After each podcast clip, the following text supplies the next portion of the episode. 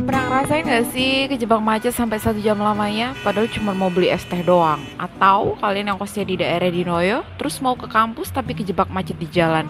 Padahal presentasi kelompok tinggal 10 menit lagi. Serem gak tuh? Malang, oh Malang kenapa kayak gini terus sih? Oh iya, tapi tahu nggak sih kalian, belum lama ini Wali Kota Malang Setiaji sempat menyampaikan jika pemerintah Kota Malang akan membangun angkutan massal berupa lintas rel terpadu atau yang biasa kita sebut LRT. Sutiaji menyampaikan kalau program itu tuh sudah lama direncanakan dan kabarnya 2020 mendatang itu mereka akan melakukan studi kelayakan.